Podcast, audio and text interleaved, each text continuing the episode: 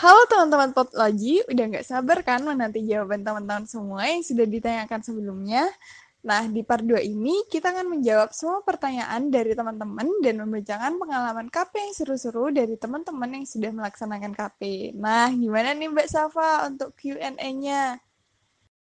Nah, ini mungkin ada banyak pertanyaan Ibu, ada enam. Nah, yang pertama nih, apa sih perbedaan program magang dari kampus Merdeka dengan KP. Lalu apakah saat KP kuliah pada umumnya tetap berjalan dan apakah saat KP nantinya kita memiliki kemungkinan untuk berkolaborasi dengan mahasiswa atau karyawan dengan latar belakang di luar PWK?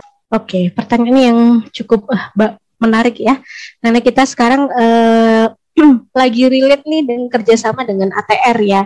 Perbedaan uh, KP biasa dengan magang KP yang ada di eh magang ATR ya dengan program magang ATR adalah yang pertama itu tadi yang sudah saya ceritakan pertama kita tidak perlu mencari kalau misalkan di program magang ATR kita tidak perlu susah-susah untuk mencari project yang sesuai ya karena nanti sudah ditentukan oleh uh, eh, ATR BPN seperti itu.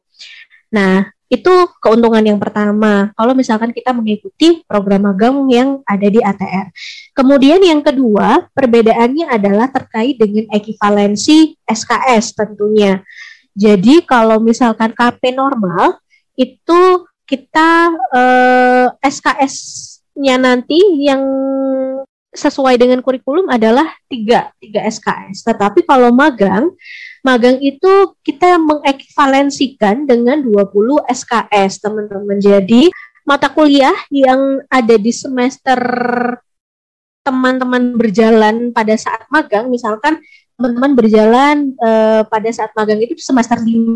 Nah, di semester 5 itu nanti akan ada 20 SKS yang akan diekvivalensi dengan program uh, magang gitu. Jadi misalkan uh, di semester 5 ada mata kuliah teknik analisa kuantitatif ya mungkin uh, ada KP juga, kemudian ada uh, mata kuliah sistem informasi misalkan gitu ya, sistem informasi perencanaan misalkan. Nah, total ini total mata kuliah yang ada di semester 5 nanti akan kami ekivalensi ke uh, program magangnya. Jadi teman-teman tidak perlu melakukan ujian UAS, UTS gitu ya pada saat program magang itu karena mata kuliahnya sudah diekivalensi di program magang gitu. Tapi untuk uh, apa namanya?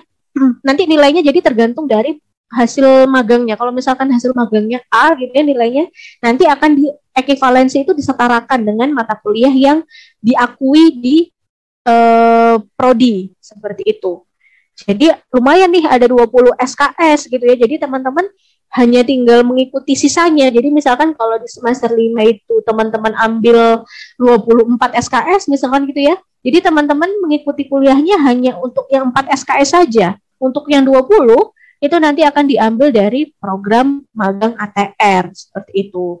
Itu perbedaannya. Kalau KP normal itu teman-teman uh, tetap melaksanakan ujian UAS, UTS dan tetap mengikuti perkuliahan pada saat melaksanakan kerja praktek secara mandiri. Dalam arti mandiri ini tidak mengikuti program dari instansi seperti itu. Jadi teman-teman tetap mengikuti. Nah, ini juga sebenarnya relate juga sih dengan apa namanya kemarin itu studi kasus teman-teman mahasiswa yang uh, instansinya ini meminta lebih dari 45 hari. Bagaimana gitu ya? Uh, kalau misalkan lebih dari 45 hari karena memang pekerjaan di uh, penyusunan dokumen tata, tata ruang ya itu minimal kan enam bulan sebenarnya ya. Tapi kan teman-teman tidak mungkin ya bolos dalam satu semester gitu kan. Jadi selama proses KP ini karena kita masih kuliahnya ini online gitu ya, sehingga biasanya kami tetap memperbolehkan teman-teman kalau misalkan diminta oleh uh, instansi untuk uh, kerja melanjutkan KP-nya tidak tidak hanya 45 hari, tetapi tetap penulisan di borang itu dimampatkan job desk-nya menjadi 45 hari. Jadi misalkan teman-teman nambah nih, diminta nambah sama konsultan jadi dua bulan. Nah, poin-poin yang selama dua bulan atau job desk job desk yang dikerjakan selama dua bulan ini diborang itu dimampatkan di ke 45 hari seperti itu. Tetapi pada realnya teman-teman tetap melaksanakan eh, apa namanya KP sesuai dengan permintaan si konsultan ini gitu. Dan juga disesuaikan dengan teman-teman gitu karena biasanya kalau KP mandiri itu kan pada saat liburan nih Makanya waktunya cuma 45 hari gitu. Nah, kalau misalkan diminta oleh konsultan lebih dari 45 hari, misalkan dua bulan gitu ya, kemudian teman-teman uh, konsultasi dengan dosen pembimbing, kemudian diizinkan, nah itu kembali lagi ke diri diri teman-teman sendiri, apakah mampu dengan dua bulan itu mengerjakan proyek dengan uh, sekaligus mengikuti perkuliahan gitu. Tapi saya rasa kalau misalkan perkuliahannya masih online sih, masih bisa ya teman-teman untuk me, apa ya istilahnya membagi waktu juga dengan KP gitu. Karena apa teman-teman ini sebenarnya kesempatan sih kalau teman-teman ditawari lebih dari e, uh, 45 hari ya karena uh, kesempatan teman-teman lebih banyak menimba ilmu lagi gitu ya. Kemudian dengan seperti itu biasanya konsultan akan melihat uh, kegigihan teman-teman gitu ya dalam mengerjakan KP sekaligus uh, apa namanya kuliah juga gitu. Nah, itu mungkin bisa menjadi nilai plus juga bagi teman-teman siapa tahu nanti pada saat sudah keluar nih, sudah lulus, kemudian ada tawaran dari konsultan atau instansi yang kemarin tempat uh, eh, KP-nya gitu karena melihat uh, apa namanya? nilai plus di diri teman-teman, nah, jadinya tertarik nih untuk merekrut teman-teman bekerja di instansi atau konsultan tersebut seperti itu. Eh, oh ya satu lagi. Kalau magang itu magang ATR ya. Magang ATR itu kurang lebih enam bulan gitu ya. Jadi satu satu semester 5 sampai enam bulan lah. Teman-teman melaksanakan eh, magang tersebut. Dan magangnya itu hampir sama sebenarnya dengan KP jadi menyusun eh, kemarin khusus RDTR jadi proyeknya khusus RDTR menyusun membantu menyusun eh, RDTR di wilayah yang sudah ditunjuk seperti itu. Nah, lalu tadi ada pertanyaan juga, adakah kemungkinan kita berkolaborasi dengan uh, karyawan yang lintas uh, bidang keilmuan? Sangat memungkinkan sekali gitu ya. Kalau di tempat KP itu biasanya kita uh, ketemu dengan apa namanya orang orang-orang di kadang di luar PWK juga gitu karena gini teman-teman kebanyakan ya kalau di instansi daerah itu sangat minim sekali ada lulusan PWK. Formasi CPNS saja itu ada beberapa wilayah wilayah yang sebenarnya ini bidang PWK, tetapi yang diminta itu arsitek, sipil seperti itu. Jadi eh, apa ya jurusan kita, prodi kita ini sangat langka sekali sebenarnya gitu. Jadi ketika misalkan nanti KP sangat memungkinkan sekali sih teman-teman bertemu dengan di instansi itu yang uh, ranah keilmuannya bukan di ranah PWK gitu. Karena PWK itu baru baru istilahnya apa ya? Baru booming ya baru booming. Itu mungkin lima tahunan terakhir lah gitu. Di formasi CPNS itu mulai ada mulai ada formasi S1 perencanaan wilayah dan kota gitu ya. Kalau dulu ya zaman saya lulus S1 itu uh, saya coba dulu daftar CPNS di Bapeda ya. Bapeda padahal di situ tuh jabatannya adalah ahli eh, penataan ahli pembangunan atau penataan ruang gitu saya lupa.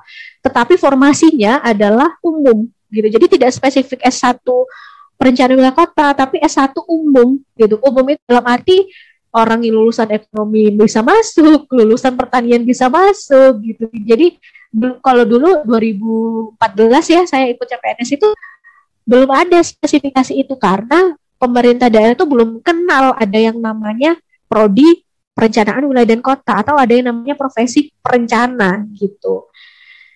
Gitu teman-teman. Jadi sangat memungkinkan sekali teman-teman bisa bertemu dengan banyak uh, bidang keilmuan dari dari orang-orang dinasnya gitu ya bahkan bisa jadi teman-teman jadi tulang punggung gitu ya karena yang paling paham terkait dengan tata ruang itu yang lulusan planner gitu ya lulusan planologi gitu jadi sangat mungkin sekali bisa teman-teman itu menjadi nilai plus dan sebagai aset gitu ya ketika misalkan teman-teman KP di satu tempat yang nggak ada plannernya gitu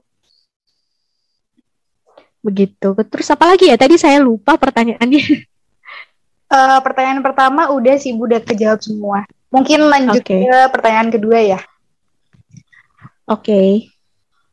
Untuk pertanyaan kedua, apakah dari Bapak Ibu dosen ada program pengarahan terkait mahasiswa yang akan KP sehingga mereka punya nilai jual atau kelebihan tersendiri sehingga mampu mengangkat nama PWK UNED?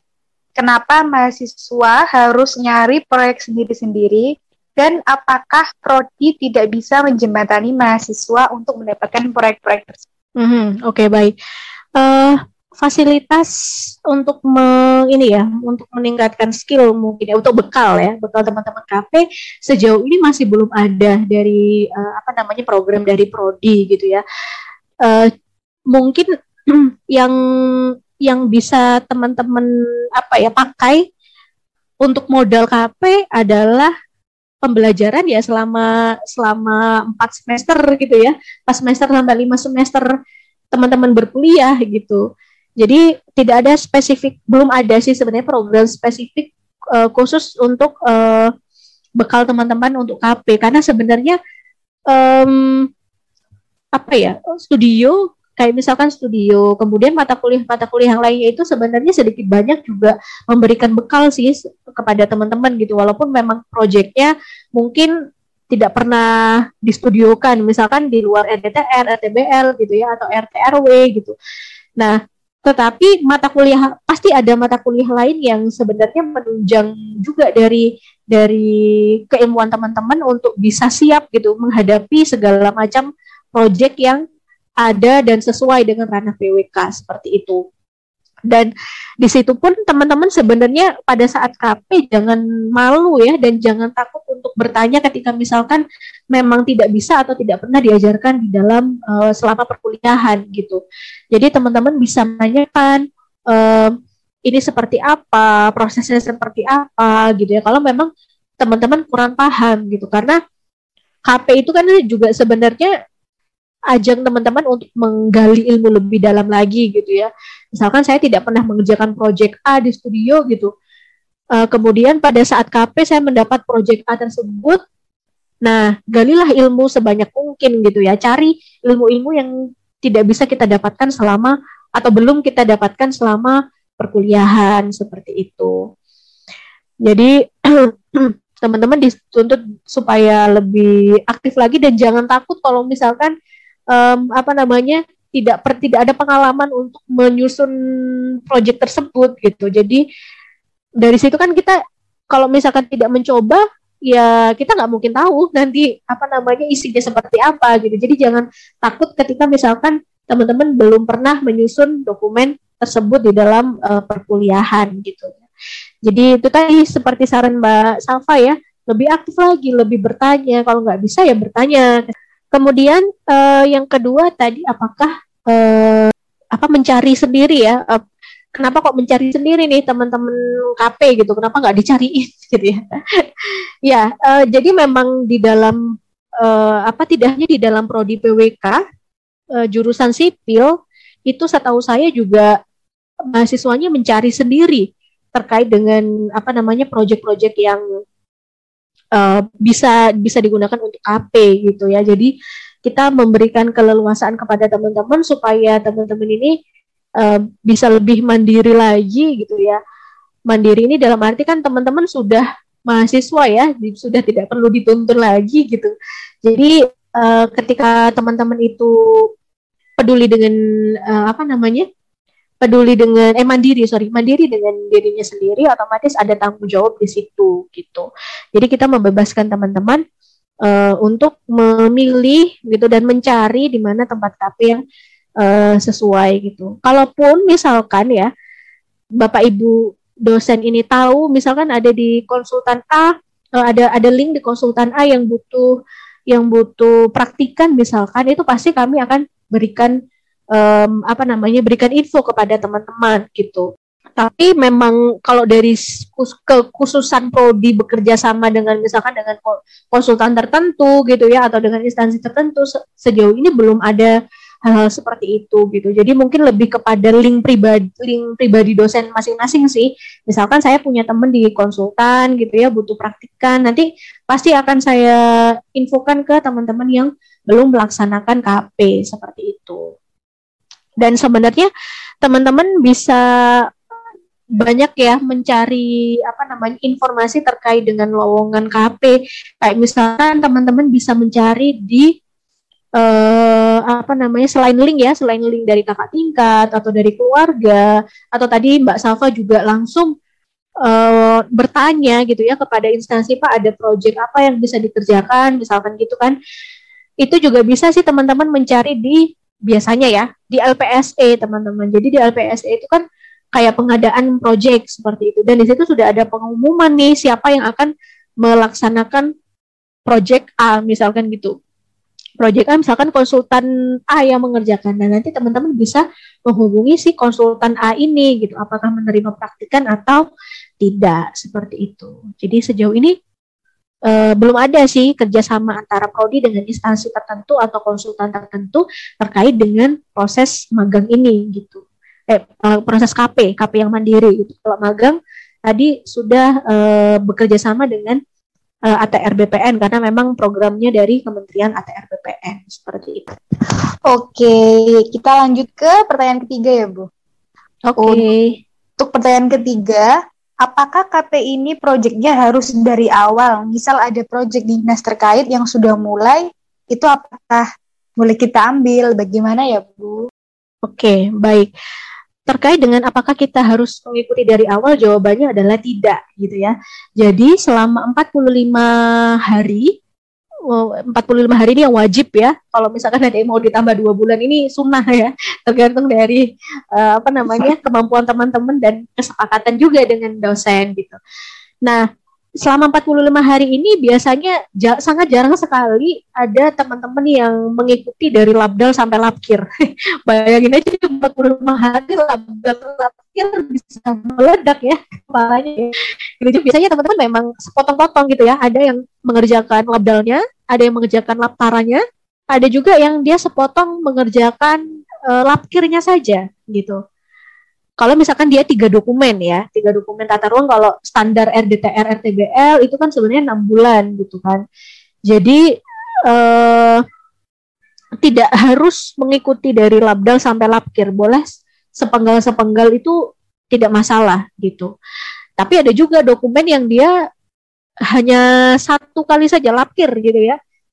Itu juga bisa teman-teman mengikuti mengikuti itu gitu. Labkirnya boleh misalkan nih uh, lapkir ini sebenarnya dihitung kalau misalkan dari dari apa namanya dari timeline instansinya harusnya dua bulan gitu ya. Tapi karena teman-teman hanya satu bulan jadi hanya mengerjakan setengah dari lapkir. Itu tidak masalah teman-teman.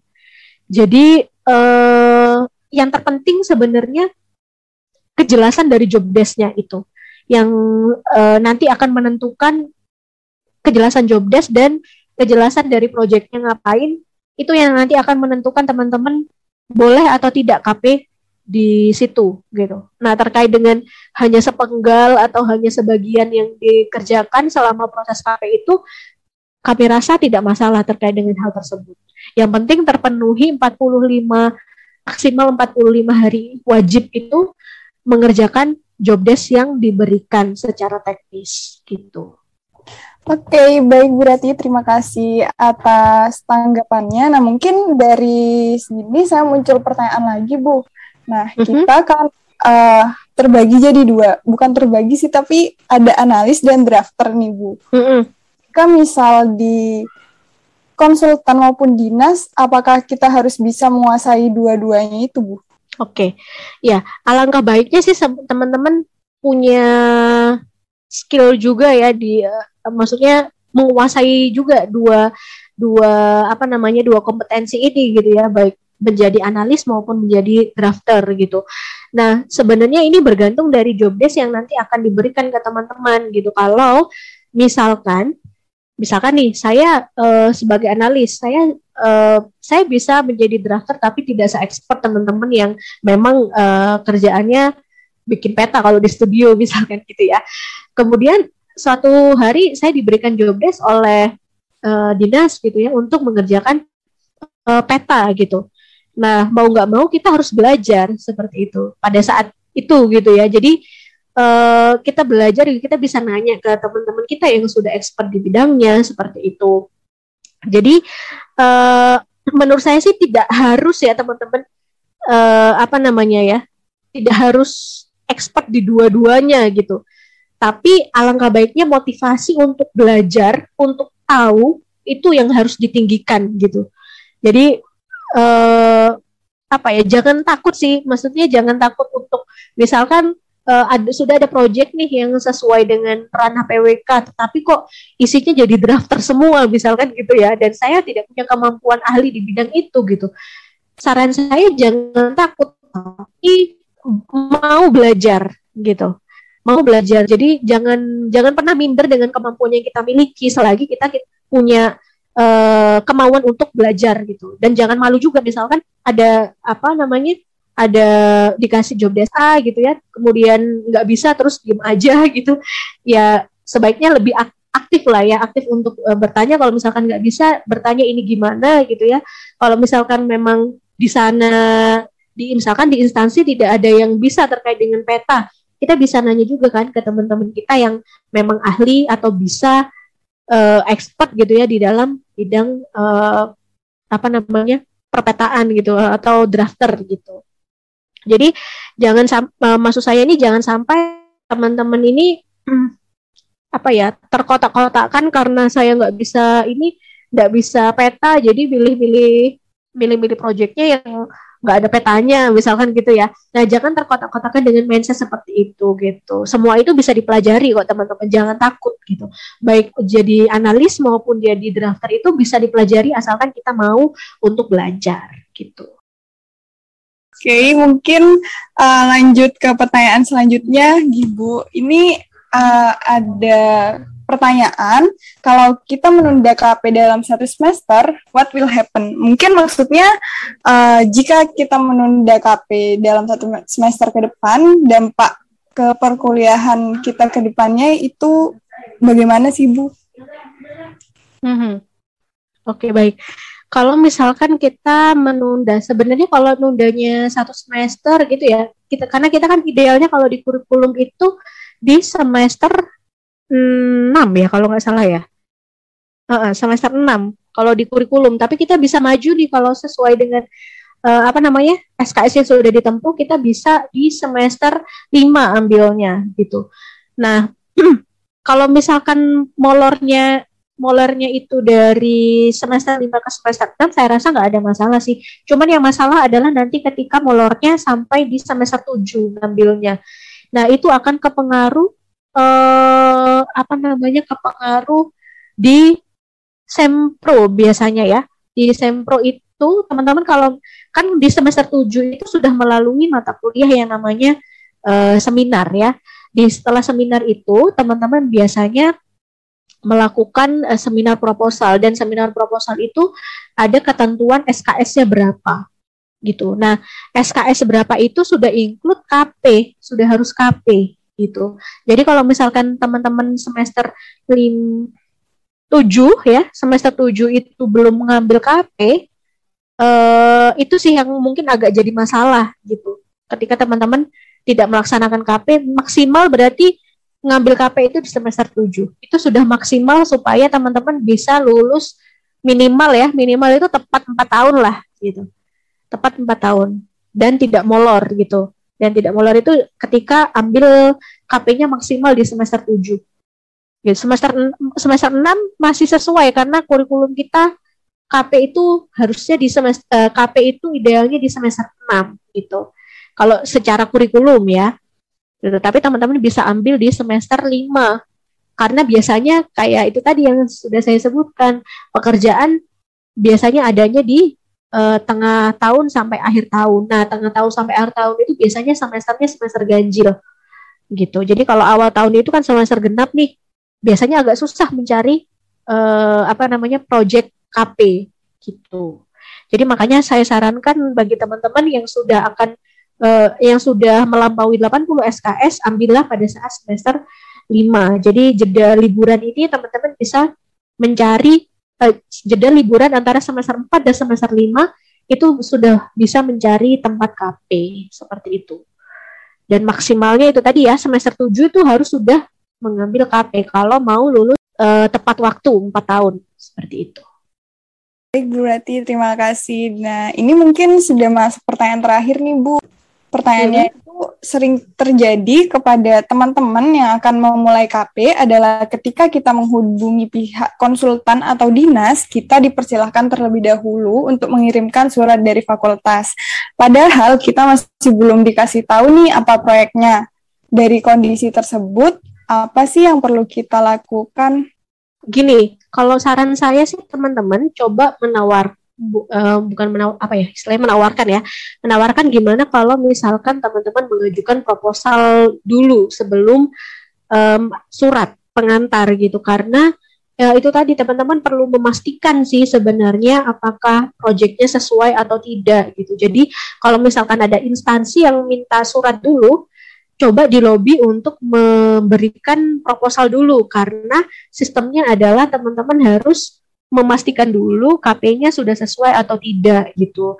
Karena uh, aturan kita kan masih mengikuti sipil itu tadi ya sehingga uh, tim administrasi kalau misalkan teman-teman itu mengurus apa uh, ini ya mengurus surat pengantar itu lebih dari satu kali itu pasti ditanyakan kalau misalkan mau buat yang kedua ya pasti ditanyakan uh, surat penolakan.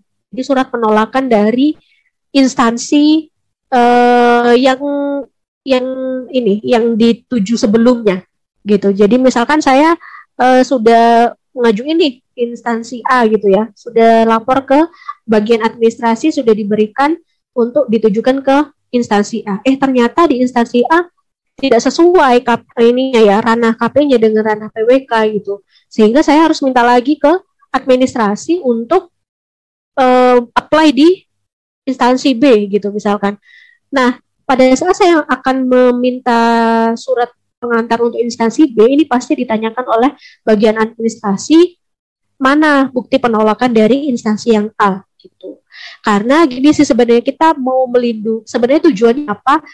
tujuannya adalah untuk melindungi instansi sebenarnya teman-teman karena dari pengalaman teman-teman sipil ya nah, itu KP-nya kebanyakan mereka sudah banyak diterima tapi karena alasan pribadi jadinya gak jadi seperti itu. Nah dari hal-hal tersebut makanya jurusan itu memborder gitu ya memborder. Kalau misalkan mau mencari instansi kedua ketiga gitu ya harus menyertakan surat penolakan dari instansi yang pertama seperti itu.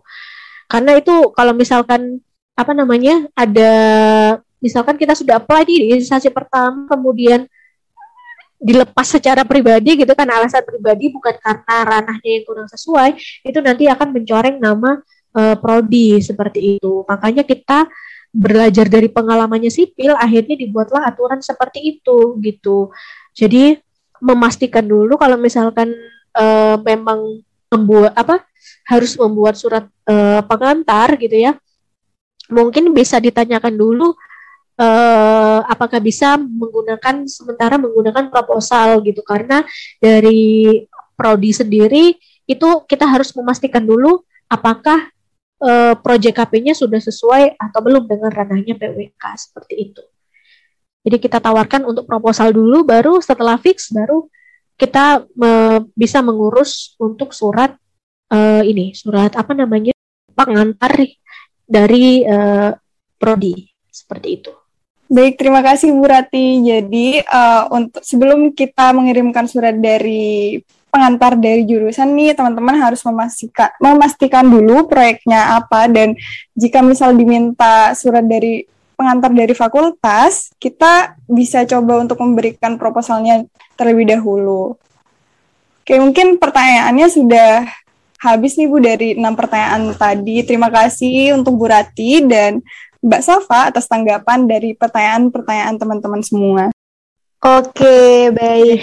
Nah, sekarang udah Oke, kita sama-sama segmen terakhir nih Bu di segmen nostalgia. Mm-hmm. Jadi kita akan bacain pengalaman-pengalaman yang seru dari teman-teman yang udah melaksanakan KP. Oke. Okay. Nah, jadi yang pertama ini dari Vicky Sandi P1 atau dari angkatan 18. Pengen KP lagi sih, seru soalnya, kurang lama juga. Kalau bisa sih tiga bulan, seru aja banyak pengalaman yang baru.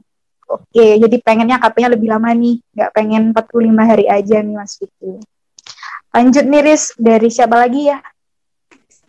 Oke, selanjutnya ini ada pengalaman dari Mbak Anya 2018. Jadi Bapak dan Ibu dinasnya baik-baik banget, sangat welcome dan memperlakukan kita seperti anak. Bahkan mereka secara khusus ngadain acara makan-makan bareng nih untuk perpisahan sebelum kita pulang. Selain baik, mereka juga keren-keren. Ada yang lulusan PWK Undip, PWK UNS, PWK ITS, dan PWK ITB. Bahkan S2-nya ada yang di Inggris dan Prancis.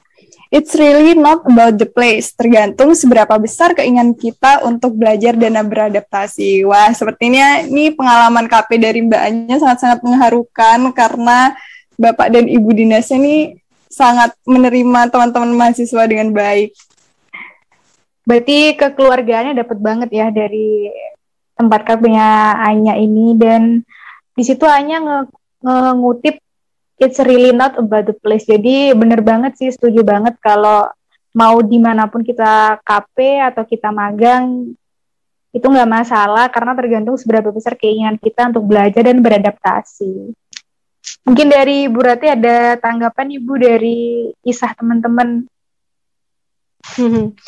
Iya, Mbak. Nah, ini sih kalau dari saya sih dari pengalaman ini ya, dari pengalaman yang tadi sudah dibacakan itu kita bisa kita bisa mengambil apa ya istilahnya mengambil sebuah kesimpulan bahwasanya KP itu tidak semenyeramkan itu teman-teman ya. Jadi kalau misalkan kita jalani dengan uh, enjoy gitu ya, dengan cara kita bagaimana beradaptasi dengan baik gitu dan kegigihan tadi ya kalau kata Anya kegigihan kita untuk belajar saya rasa uh, eh, KP itu bukan suatu hal yang membosankan lagi gitu ya. Kalau misalkan dipikir memang ya kalau ketika misalkan kita belum melaksanakan nih, misalkan aduh nih besok nih udah mulai KP misalkan gitu, waduh males nih apa kayak gitu ya.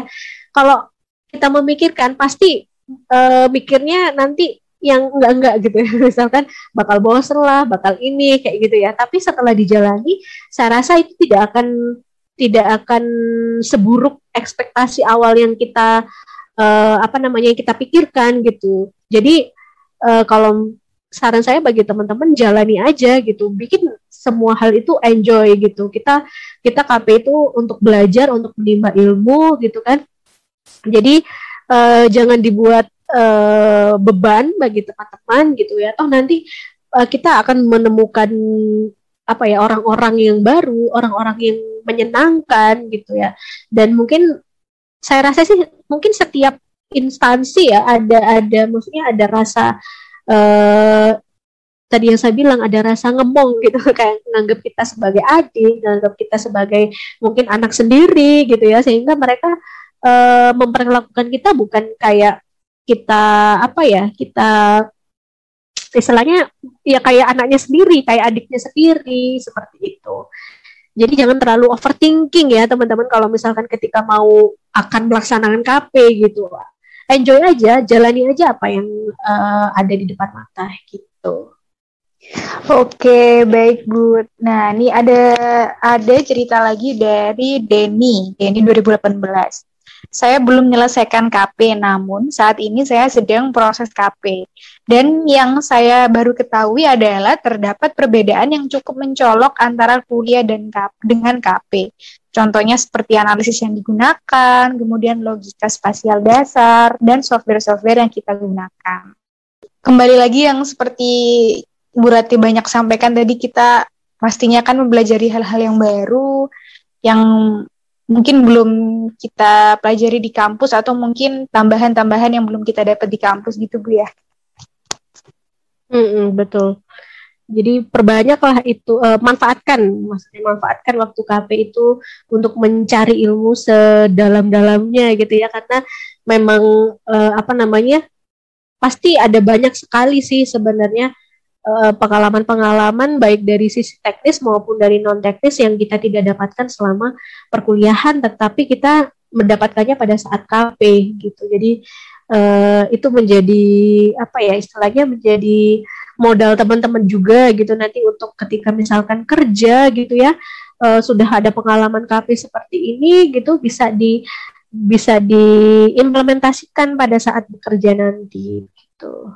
Mungkin dari pengalaman Mas Dor tadi, mungkin aku ingin bertanya nih, apa sih perbedaan yang cukup mencolok antara kuliah dengan KP? Mungkin Mbak Safa atau Bu Rati dapat menjelaskan perbedaan tersebut antara kuliah dengan KP sendiri.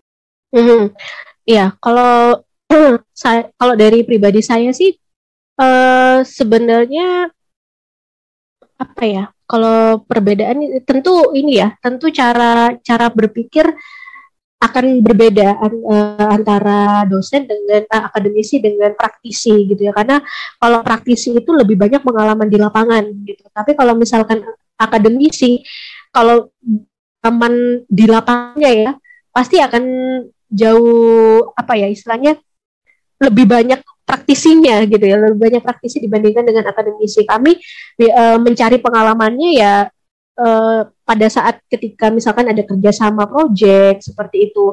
Kemudian e, apa namanya dari apa ya istilahnya dari based on penelitian gitu ya based on buku seperti itu. Tapi kalau misalkan uh, apa namanya pada saat KP teman-teman akan bertemu dengan orang-orang yang uh, mindsetnya adalah mindset implementatif gitu ya. Mindset praktis itu kan implementatif ya dan mereka lebih berpengalaman dalam menyatukan uh, segala jenis uh, pemikiran gitu.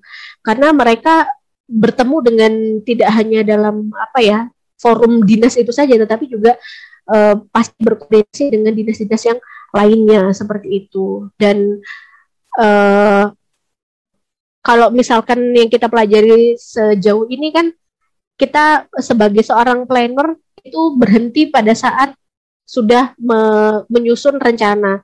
Sebalik uh, seterusnya uh, eh sorry selanjutnya yang untuk mengimplementasikan dari rencana tersebut adalah praktisi gitu. Jadi otomatis ranahnya ini akan sedikit berbeda sih antara dunia akademisi dengan dunia uh, praktisi seperti itu. Karena kalau praktisi lebih kepada itu tadi implementasi dari hasil rencana gitu ya sehingga pemikiran mindsetnya adalah bukan mindset teori lagi tetapi bagaimana caranya ini uh, rencana ini bisa dilaksanakan dengan baik dan masyarakat bisa menerima gitu dan masyarakat juga bisa mendukung dari rencana yang sudah disusun oleh si planner ini gitu. Nah, kalau dari sisi akademis nih, eh, sorry dari ya dari sisi akademis itu kan kita hanya berhenti sampai di penyusunan rencana saja dan itu termasuk hal-hal apa ya istilahnya rencana yang sudah kita susun itu adalah uh, sari pati ya sari pati dari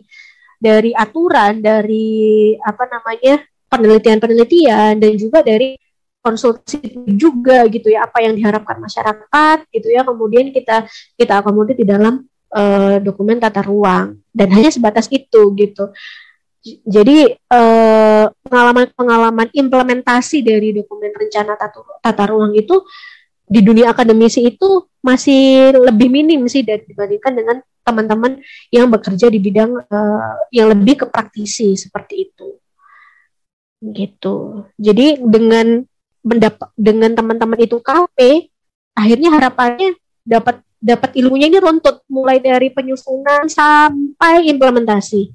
Gitu. Jadi penyusunan renca uh, penyusunan rencana sampai uh, implementasinya nanti didapatkan pada saat KP seperti itu jadi lulusannya nanti akan komplit gitu. Oke, okay, baik berarti ya. Ternyata nih KP ini nantinya kita akan mendapatkan pengalaman-pengalaman baru yang tentunya yang masih belum kita temui di perkuliahan. Selanjutnya ini ada cerita dari Mas Irsyad nih Bu dari 2018 dan ini sepertinya ceritanya sangat-sangat seru karena Mas Irsyad sendiri menulisnya sangat-sangat panjang. Mungkin langsung saja saya bacakan ya Bu. Iya. Februari 2021. Kami melakukan KP di salah satu CV yang ada di Bondowoso. Namun, proyek inventarisasi RTH yang kami kerjakan berada di Kecamatan Bimbing Sari dan Rogo Jampi, Banyuwangi. Kemudian, kami berdua ditugaskan untuk survei primer di Banyuwangi. Ketika kami survei lokasi, kami merasa sedikit kesulitan untuk mencari titik-titik RTH pada dua kecamatan tersebut. Istilahnya seperti mencari jarum di tumpukan jerami. Di Banyuwangi, kami menginap di kos teman untuk mengirit biaya, dan ternyata kos tersebut angker. Waduh, saat menyeramkan ini Mas Irsyad. Dan di malam hari terdapat tetangga kos yang kesurupan. Ini absurd sekali, hahaha malam malam kami lewati untuk menjalankan tugas dari konsultan kami dengan baik. Dari kerja praktik, kami mendapatkan banyak sekali pengalaman berharga di mana kita bisa merasakan langsung bagaimana metode survei yang baik dan benar saat bertugas. Untuk teman-teman yang sedang dan mau KP, terus semangat ya dan buktikan bahwa PWK UNED bisa. Wah, ini pengalaman dari Mas Irsyad nih sangat-sangat seru dan cukup menegangkan ya komplit ya ceritanya. Jadi dia ceritanya komplit ya dari yang seru, yang peng, dari yang seru, dari yang horor ada semua. Oke, mungkin ada pengalaman selanjutnya nih Bu dan ini terakhir dari rahasia hehehe dan setelah saya baca pesannya sepertinya ini dari penggemar berat burati. Mungkin langsung saja nih Bu saya membacakan pesannya. Dari rahasia hehehe. Pengen pas KP dan studio dapat dosen pembimbing Burati, tapi belum ditakdirkan oleh Allah dari studio awal sampai studio akhir tidak pernah dapat dosen pembimbing Burati. Huhuhu sedih, sehat-sehat terus ya Bu, sarangnya. Bagaimana Waduh. dari penggemar penggemar rahasia nih? Saya jadinya gimana grogi nih saya. dapat sarangnya tuh Bu dari secret admirer. Iya, dapat sarang ini, sarang kalau balasnya gimana sih? Kalau bahasa Korea itu sarangnya tuh gitu enggak ya?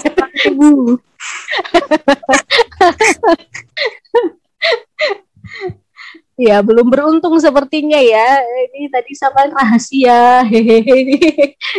Belum beruntung ini. Mungkin nanti di pada saat KP bisa dengan saya kalau studionya ini ya kalau studionya belum bisa barengan saya gitu Oke, berarti mungkin tadi dari pesan dari dari rahasia hehehe itu sudah yang terakhir dan ternyata keren-keren dan seru-seru banget nih pengalaman KP dari kakak tingkat mulai dari pengalaman seru dan mengharukan sampai ke pengalaman yang lucu dan menyeramkan.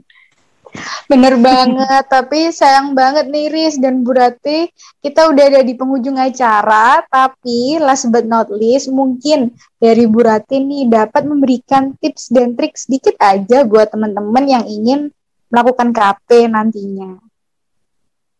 Hmm, Oke, okay, baik buat teman-teman yang mau melaksanakan KP, uh, pesan saya sih yang pertama jangan terlalu overthinking ya, jangan terlalu overthinking nanti bakal gimana gimana pada saat KP gitu nanti nggak bisa lah atau gimana gitu ya, mikirnya udah udah insecure dulu sebelum melaksanakan KP itu mending dihilangkan aja gitu ya. Kita ambil hikmah nih dari teman-teman yang sudah atau kakak kelas yang sudah melaksanakan KP rata-rata semuanya merasakan enjoy bertemu dengan orang baru, kemudian uh, seneng gitu ya, kemudian dapat ilmu baru juga gitu. Nah, harapannya teman-teman jangan jangan takut lagi dan jangan overthinking dan insecure juga gitu ya pada saat uh, akan melaksanakan KP gitu. Dan jangan lupa uh, teman-teman selalu bisa berkonsultasi dengan saya sebelum men mendapatkan dosen pembimbing ya untuk memastikan apakah KP-nya itu uh, sesuai atau tidak gitu. Karena juga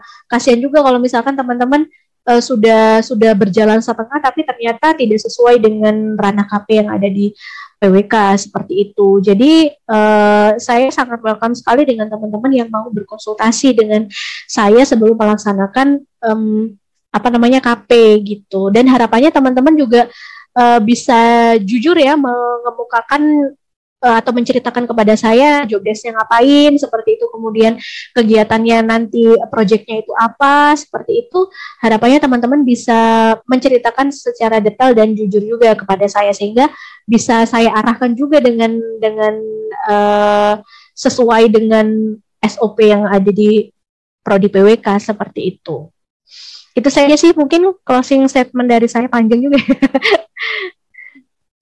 Terima kasih ya kepada mungkin kepada himpunan juga yang sudah memfasilitasi ini karena memang uh, saya pikir juga agak kurang juga sih terkait dengan sosialisasi SOP KP ini karena banyak teman-teman kemarin yang juga miss terkait dengan alurnya, alurnya seperti apa, seperti itu sehingga kemarin ya banyak problem yang terkait dengan administrasi sih lebih kepada administrasi seperti itu. Baik, terima kasih Bu Rati atas penjelasannya mengenai KP ini dan ketersediaannya untuk hadir menjadi narasumber dalam podcast kali ini. Uh, mungkin sampai di sini dulu teman-teman semua podcastnya. Dan sekian dan kurang lebihnya mohon maaf. Aku Safa dan rekan aku. Rizka. Kami pamit undur diri Terima kasih sudah mendengarkan podcast ini sampai akhir dan sih untuk podcast selanjutnya masih dengan pembahasan yang sangat menarik dan narasumber yang sangat kece tentunya. Sampai jumpa. Salam plano. PWK aja ya. PWK aja ya.